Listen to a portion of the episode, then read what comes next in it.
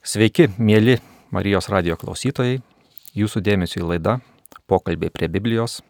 Ir šiandien Marijos radijos studijoje svečiuojamės mes Kauno Šventojios dvasios parapijos vyrų maldos grupės nariai. Ir Mantos. Linas. Ir Vaidas. Garbė Jėzui Kristui. Savo laidą pradėkime maldą. Ir kadangi mes esam iš Šventojios dvasios parapijos, Tai pasimilskime Švento Augustino maldą šventai dvasiai. Alsuok mane šventoji dvasia, kad aš mąstyčiau, kas šventa. Uždek mane šventoji dvasia, kad aš daryčiau, kas šventa. Patrauk mane šventoji dvasia, kad aš mylėčiau, kas šventa. Paremk mane šventoji dvasia, kad aš vis kleiščiau, kas šventa. Globok mane šventoji dvasia, kad neprarasčiau, kas šventa. Amen. Šiandien skaitysime ir aptarsime šio sekmadienio Evangeliją pagal Matą. Iš Šventojios Evangelijos pagal Matą. Anuo metu Jėzus bylojo aukštiesiems kunigams ir tautos seniūnams. Kaip jūs manote, vienas žmogus turėjo du sūnus. Kartą jis kreipėsi į pirmąjį sakydamas, vaikė, eik ir padirbėk šiandien vynogynę. Šis atsakė, nenoriu, bet vėliau apsigalvojo ir nuėjo dirbti. Paskui tėvas kreipėsi į antrąjį sūnų tais pačiais žodžiais. Jis jam atsakė, einu viešpatė, bet nenuėjo. Katras iš jų įvykdė tėvo valią. Jie atsakė, pirmasis. Tuomet Jėzus tarė jiems, iš tiesų sakau jums, muitininkai ir ištvirkelės greičiau už jūs pateks į dangaus karalystę. Nes Jonas atėjo pas jūs teisumo keliu, bet jūs nepatikėjote juo. O muitininkai ir ištvirkelės tikėjo. Bet jūs, nors tai matėte, ne vėliau neapsigalvojate ir netikėjote juo. Tai Dievo žodis. Dėkojame Dievui. Girdėjome Evangeliją. Jėzus kalbasi su aukštaisiais kunigais žydų tautos seniūnais. Veiksmas vyksta Jeruzalės šventykloje, greičiausiai pagonių kieme, į kurį galėjo įeiti visi norintys. Keista, kad štai aukštieji kunigai, seniūnai, nusileidžia iki pagonių kiemo, kad galėtų pasikalbėti su Jėzumi. Jų misija nėra Jėzos pasiklausyti, bet jį ištardyti. Jeigu pažiūrėtume į 23 Mato Evangelijos skyrių, tai mes matytume jų tikslą. Kai Jėzus atėjo į šventyklą ir pradėjo mokyti, prisartino prie jo aukštųjų kunigų ir tautos seniūnų, kurie klausė, kokia galia tai darai, kas tau davė šią, šitą galę. Jėzaus veikla, Jėzaus mokymas yra tokios galios, kad darosi neramu net patiems aukščiausiems šventyklos kunigams. Ir Jėzus su jais diskutuoja. Jėzus leidžiasi su jais į pokalbį. Ir tam pasirenka labai trumpą, bet aišku palyginimą. Jis kalba apie du sūnus ir apie vienuogyną. Kiekvienam išmanančiam Seną testamentą, aukštieji kunigai tikrai jį žinojo greičiausiai mintinai, Buvo aišku, apie ką yra kalbama, nes du sūnus eina per visą žmonijos istoriją. Tai Kaino ir Abelio istorija, tai Ismaelio ir Izaoko istorija, tai pagaliau Jokūbo ir Ezavo istorija. Visur žmonijos istorijoje, žydų tautos istorijoje veikė du broliai. Istorija vystėsi per dviejų brolių santykius. O kas yra vynogynas? Vynoginas irgi labai plačiai naudojamas simbolis šventajame rašte. gražiausiai jį vynogino prasme atskleidė Izaijas savo knygoje, penktame skyriuje. Ji tiesiog ir, ta dalis ir vadinasi tiesiog giesmė apie vynogyną. Ir gal neužpyksite, jeigu aš ją paskaitysiu, nes ji tikrai, tikrai atskleidžia pačią, pačią vynogyno simbolinę esmę. Taigi, te būna man leista gėdoti savo mylimajam mano meilės giesmę apie jo vynogyną. Mano mylimasis turėjo vynogyną, derlingos kalvos atšlaitėse. Jis išpūreno žemę, išrinko iš jo akmenis ir apsodino rinktinėmis vynogenėmis. Viduryje pastatė bokštą sargui. Įsirengė jame net vyno spaudyklą. Tada tikėjosi, kad jis augins vynogės, bet priaugo rūkštogių. Dabar tad Jeruzalės gyventojai ir judo vyrai, prašau jūs spręsti mano ir mano vynogino bylą. Ką dar turėjau padaryti savo vynogynui? Ko aš jame nepadariau? Kodėl jis prieaugino rūkštogių? Nors aš tikėjausi, kad jis ves vynogės. Dabar jums pasakysiu, ką ketinu daryti su vynogynu. Išrausiu gyvatvorę ir jis bus nuniokotas. Nugriausiu sieną ir jis bus ištryptas. Taip, paversiu į dykvietę. Nebus jis genamas, nei purenamas. Apžels erškiečiais ir usnimis. Debesims įsakysiu, kad nelietų ant jo lietaus. Galybių viešpaties vynogynas yra Izraelio namai, o daigai, kuriais jis gerėjosi, yra judo vyrai. Jis laukia teisingumo ir štai kraujo liejimas. Jis laukia teisumo ir štai klyksmas. Taigi, aukštieji kunigai tikrai klausydami šį palyginimą suprato, kad kalbama apie Dievo tautą ir kalbama apie juos kaip sūnus, kurie turėtų prižiūrėti vynoginą, ganyti Dievo tautą. Ir matome, kad nei vienas, nei kitas nėra idealus sūnus. Vienas sako, kad nueis, dargi pagarbiai jisai kreip, kreipiasi į savo tėvą. Jis vadina savo tėvą viešpačiu.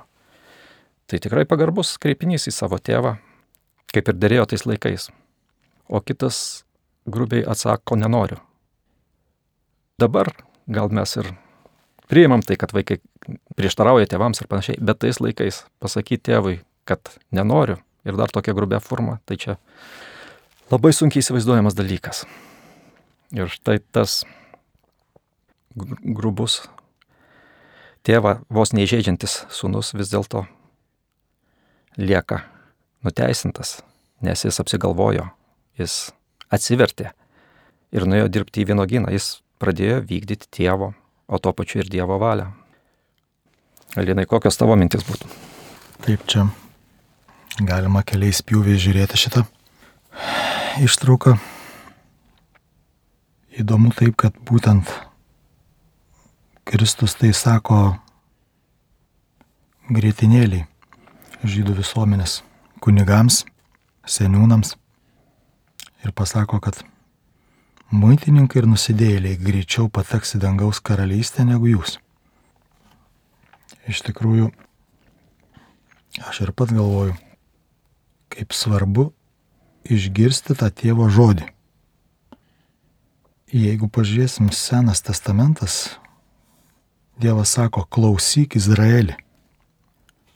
Čia tėvas sako, vaikė, eik padirbėk vynoginę.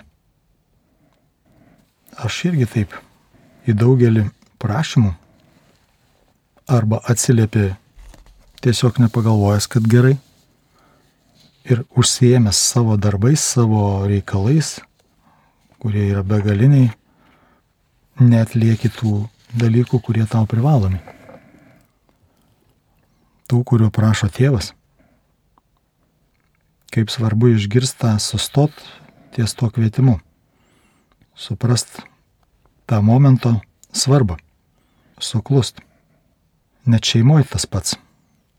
Jeigu nepavyksta išgirsti savo artimo šalia esančio, tarkim, žmonos, tada esi užsiemęs savo reikalais ir po to staiga nesupranti, kodėl viskas atrodo gerai, bet santykis pašlyjo.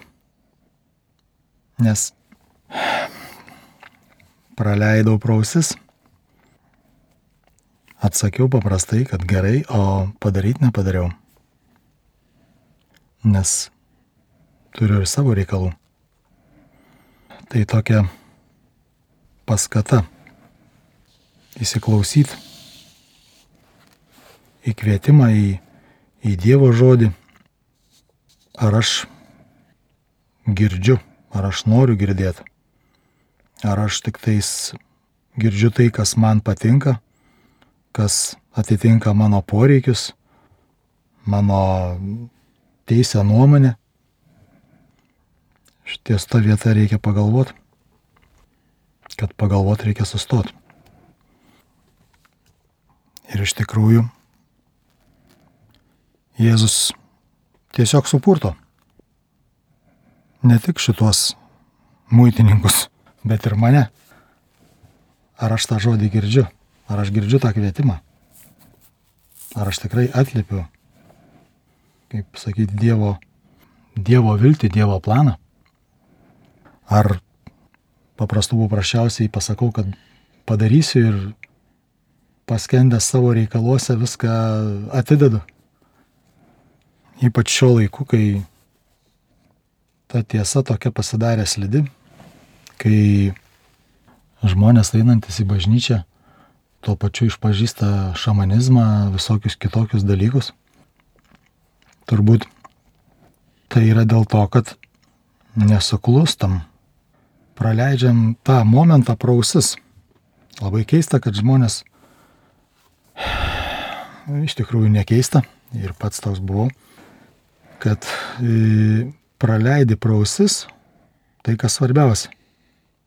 Paskesti savo reikaluose, savo detalėse negali patikėti Dievu, ieškai kažkokių detalių, patvirtinimų, pateisinimų, archeologijos ir visokių kitų dalykų, kurie logiškai paaiškintų tikėjimą. Bet praleidžia pagrindinis dalykas - klausyti Dievo žodį, skaityti, jo gyventi, o svarbiausia pamatyti, kad tai veikia mano gyvenime, veikia ne tik mano gyvenime, bet ir mano aplinkinių gyvenime. Ir tada nebereikia tų detalių, matematikos, archeologijos. Tada skaitant Seną testamentą, netrodo, kai jis ten žiaurus, vien muštynės, pjautinės ir o dėliojasi puzlę ir kuo daugiau skaitai, tuo daugiau atsiveria. Tai vad toks supurtimas, išgirst, suklust, paklausyt ką Dievas kalba. Taip, kartais tas supurtimas tikrai būna labai rimtas. Ir man tai, žinau, kad tu esi patyręs tikrai sunkia avarija. Ir tik Dievo malonės dėka tu esi gyvas, gali dabar būti su mumis, liūdyti Dievo meilę tau. Gal galėtum papasakot, kaip, kokie tavo santykiai buvo su tėvais iki to įvykio, iki tos sunkios avarijos kaip tu atsiliepdavai tėvų prašymus ir kaip yra po to, kai tu patyrė šitą sunkų sukretimą. Tai aš kaip buvau sveikas, sakydavau tėvams, gerai padarysiu. Bet kai išbėgdavau į kiemą, grįždavau vakare, sakydavau rytoj. O kai atsitiko nelaimė, viską kaip pajutau, kaip aš negalėjau nieko daryti, vaikščiot, tai kažkaip pačiam kildavo rankos tai padaryti ir ne, neatsigalbinėti paprasčiausiai. Tai tiesiog tas įvykis Supurkė, iš, iš, esmės, sugrįžti. iš esmės pakeitė tavo požiūrį. Taip, taip, taip pakeitė. Ja. Aišku, nedaug dievę tokių supurtimų, bet manau, kad kiekvienas giliai tikintis žmogus yra patyręs tą tokį momentą atsivertimo. Ir tai paprastai būna ne per kažkokią didžiąją laimę, ne per kažkokį garbę ar šlovę, turtus ar prabangą. Tai paprastai ateina per praradimus, per kančią, per sukretimus. Tas momentas, tas atsivertimas yra iš principo kardinalus krypties pakeitimas. Jeigu aš kartais galvoju, kad, kad krikščionybė yra pati ra- radikaliausia religija iš visų žemėje esančių. Nes atsivertęs žmogus, tikrai sekantis Kristumi, turi mylėti savo priešus. Ne juos toleruot, ne juos kažkaip. Juos turi mylėti ir jiems atleisti. Nes taip liepia viešpats Jėzus. Jis pats mums yra atleidęs ir už mus numiręs. Tai jeigu mes norim būti jo mokiniais, mes turim būti panašus į jį. Tai nėra lengva. Tai nėra lengva, tai ne vienos dienos, ne vienų metų, manau, kelionė link Dievo. Dažnai sunkiausia yra atleisti savo, kad tu esi toks, koks esi. Netoks sėkmingas gal, netoks turtingas, netoks gabus. Atleisti savo ir priimti save tokį, koks tu esi. Ir džiaugtis, kad esi Dievo mylimas. Tiesiog džiaugtis tuo, kad tu šiandien gyveni, tu šiandien kvepuoji, tu matai Saulė, tu matai pasaulio grožį. Tu džiaugiesi pasauliu šiandien. Negalvoji, kas buvo vakar sunkaus, negalvoji, kaip gyvensi po metų, po dviejų, bet džiaugiesi va šitą dieną ir kaip mažas vaikas, kuris irgi džiaugiasi, kai jie būtų tėvai namie, kai jie būtų tėvai su juo ir, ir aišku, tas jausmas, jis neteina per kiekvieną dieną ir jis nebūna kiekvieną dieną, jį reikia branginti ir brandinti. Ir dar kalbant apie šios dienos Evangeliją, čia yra du, du kartus paminėtas labai svarbus žodis. Jis yra apsigalvoti. Štai tas sunus, kuris tėvui pasakė nenoriu, vėliau apsigalvojo. O aukštiesiems kunigams ir tautos seniūnams Jėzus prikaištauja. Bet jūs, nors ir matote muitininkų ir ištvirkelių atsivertimą Jono Krikštitojo krikšto metu, vėliau neapsigalvojote ir netikėjote juo. Neapsigalvojote. Žydai tuo metu, o greičiausiai ir dabar, gyveno tvirtu mesijo laukimu. O tą mesijo laukimą visada sustiprindavo pranašai. Iki jo Jono Krikštitojo keli šimtus metų žydų tautoje nebuvo pranašo. Ir štai ateina Jonas Krikštytojas, kuris atitinka visus pranašo požymius. Tiesiog klasikinis pranašas. Jis yra kunigo sūnus. Jis pasitraukia į dykumą. Jis gyvena asketiškai. Jis skelbia Dievo karalystės prisertinimą ir krikština žmonės atleisdamas, kviesdamas atgailauti ir prašyti Dievo atleidimo. Ir matom darbus. Jėzus yra pasakęs, saugokitės netikrų pranašų, iš darbų jūs juos pažinsite. Jono Krikštitojo darbai yra akivaizdus. Net užkėtėję nusidėjėliai, muitininkai ir ištvirkelės eina pas Joną į dykumą prie Jordano upės, krikštiesi ir atsiverčia. Netgi kai kurie ir kunigai irgi supratę, kad tai yra tikras dalykas, irgi ateina pas Joną, tikėdamėsi atleidimo ir atsivertimo. Tačiau pati aukštuomenė, patys aukščiausi kunigai ir visuomenės aukštuomenė žydų tautos seniūnai, matyt, įsipatoginę savo padėtyje, tik deklaratyviai laukia. Tiesiog man toks jausmas, kad, kad jie laukia pranašų, laukia mesijo, bet giliai pasąmonėje galvoja, gal, gal geriau, kad jis neteitų, mums ir taip čia labai neblogai gyvenas. tai iš tikrųjų apsigalvojo, va ta žodis, apsigalvojo arba atsivertė. Dažnai ir šiandieniniam pasaulyje ir šiandien mes matome, kad mes krikščionys kartais labai yra pavojus mums krikščionėms įsipatoginti savo padėtyje. Įsipatoginti ir galvot, kokie čia jau čia mes teisingi, kaip mes gerai elgiamės, kaip mes čia beveik nusipelnėm dangaus karalystės ir, ir labai skeptiškai žiūrėti į, į žmonius, kurie netitinka mūsų įsivaizduojamo standarto. Ar tai būtų va tie nusidėliai, ar tai būtų netikinti žmonės, kurie, kurie kažkada akivai, aiškiai pasisakė prieš bažnyčią, kurie, kurie net prieštaravo. Sunku, kai mes juos priimam, sunku, kai įsileidžiam į savo tarpą. Šią savaitę aš kaip tik klausydamas Marijos radiją, Vatikano radijo žinių per Marijos radiją, išgirdau labai tokią įdomią žinią, kad mūsų popiežius Pranciškus pagerbė neseniai mirusį buvusį Italijos prezidentą Giorgio Napolitano. Jis nuėjo į to žmogaus, į to prezidento šermenis, pagerbdamas jį savo apsilankimu. Atrodytų gal ir nieko, nieko tokio, bet Giorgio Napolitano yra komunistas. Jis buvo komunistas, įstojo komunistų partiją 45 metais ir išbuvo joje iki 92 metų. 92 metais ta partija persivadino į kairėją demokratų partiją, bet iš esmės liko ta pati. Esmė komunistinė. Ir štai popiežius ateina pagerbt komunisto. Tai kai pagalvoji, koks taurus buvo, turėjo būti tas žmogus, tas kairysis komunistas, kaip jis turėjo dorai nugyventi savo gyvenimą, kaip jis turėjo dorai vykdyti savo pareigas, kad popiežius jį pagerbė savo apsilankimu. Ir tikrai, kai, kai matai, paskaitai šio žmogaus prezidento Džordžio Napolitano istoriją, matosi, kad jisai visada ieškojo bendrystės su bažnyčia, nors pats buvo netikintis.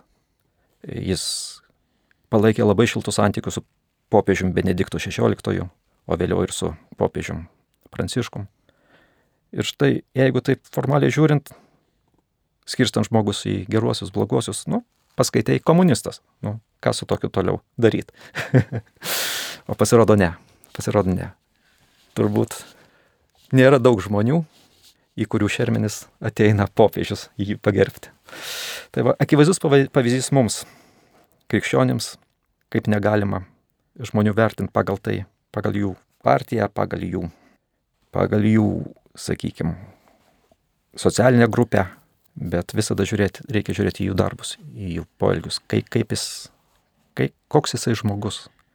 Nes iš tikrųjų Dievo įsakymai įrašyti kiekvieno žmogaus sieloje. Tik ne visi mes sugebėm į, į tuos įstatymus atsiliepti.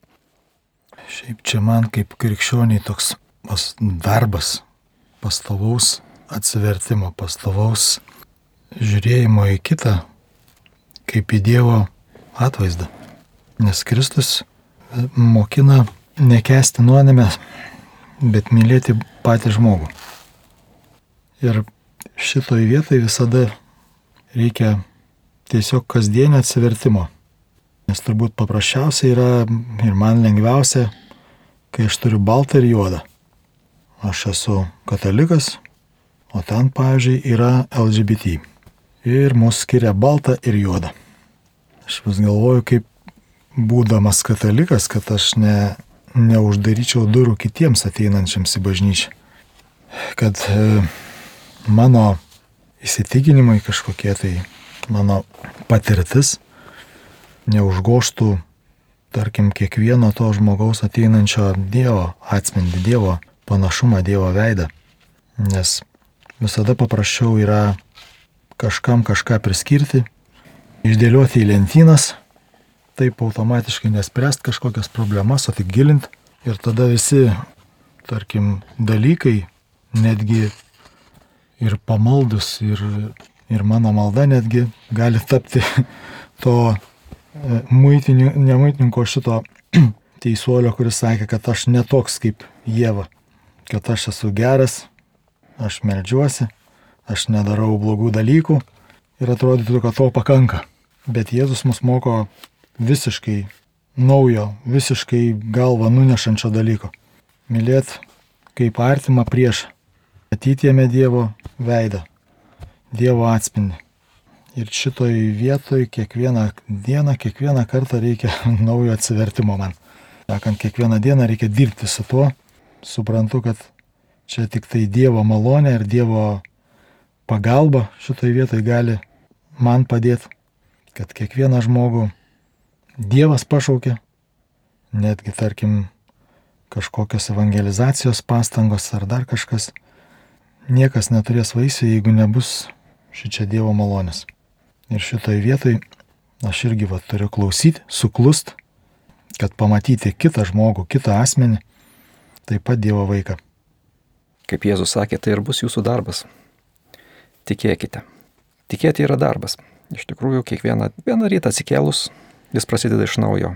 Aišku, tik žiūrėdami į Kristų, tik melsdamiesi, mes galime išlikti tame kelyje tikėjimo, nes pats žmogus iš savęs tikrai nieko negali. Turėdami tokį pavyzdį, kaip mūsų viešpats Jėzus Kristus, turime jame viltį.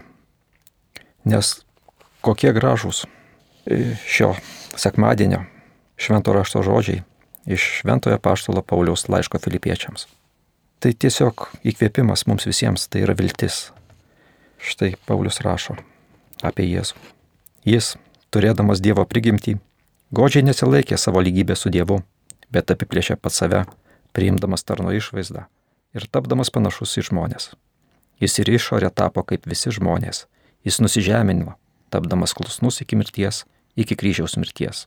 Todėl ir Dievas jį išaukštino ir padovanojo jam vardą, kilniausia iš visų vardų, kad Jėzaus vardui priklauptų kiekvienas kelias - danguje, žemėje ir po žemė. Ir kiekvienos lūpos Dievo tėvo šloviai išpažintų. Jėzus Kristus yra viešpas. Viešpas. Čia yra švento rašto žodžiai. Ir tai bus, nors atrodo, kad aplinkui pasaulis yra beviltiškas. Bet nėra to, kas parašyta šventajame rašte ir nebūtų išsipildę. Ir tikrai tai bus, kad visi mes, tikintys ir tie, kurie šiandien netiki, kurie netgi kovoja su bažnyčia, pamatys Jėzaus Kristaus šlovę ir išpažins, kad Jėzus Kristus yra viešpats. Aleliuja. Aleliuja. Taigi, šita viltinga mintimi, šitais viltingais žodžiais ir baigsime šios dienos laidą Marijos radijos studijoje. Ir baigdami, kadangi prasideda spalio mėnesis, švenčiausios mergelės Marijos mėnuo, sukalbėkime maldą švenčiausiai mergeliai Marijai, kurios užtarimu ir malonės dėka veikia. Ir šitas nuostabus evangelizacinis įrankis Marijos radijas. Tavo apginimo šaukėmės, šventoji Dievo gimdytoja. Mūsų maldų netmeski, mūsų reikaluose, bet nuo visokių pavojų mūsų visada gelbėk. Mergelė garbingoji ir palaimintoji, mūsų valdovė, mūsų tarpininkė, mūsų užtarėja, su savo sūnumi mūsų taikink, savo sūnui mūsų paveski, savo sūnui mūsų atiduoki. Melski už mus šventoji Dievo gimdytoja, kad taptume verti Kristaus žadėjimų. Amen. Amen. Taigi su Marijos radijos studijoje su jumis, mėly klausytojai, buvo Kauno Šventojios dvasios parapijos vyrų maldos grupės nariai Ir mantas. Linas, ir Vaidas. Sudie. palaimintas sekmanio visiems. Dėl.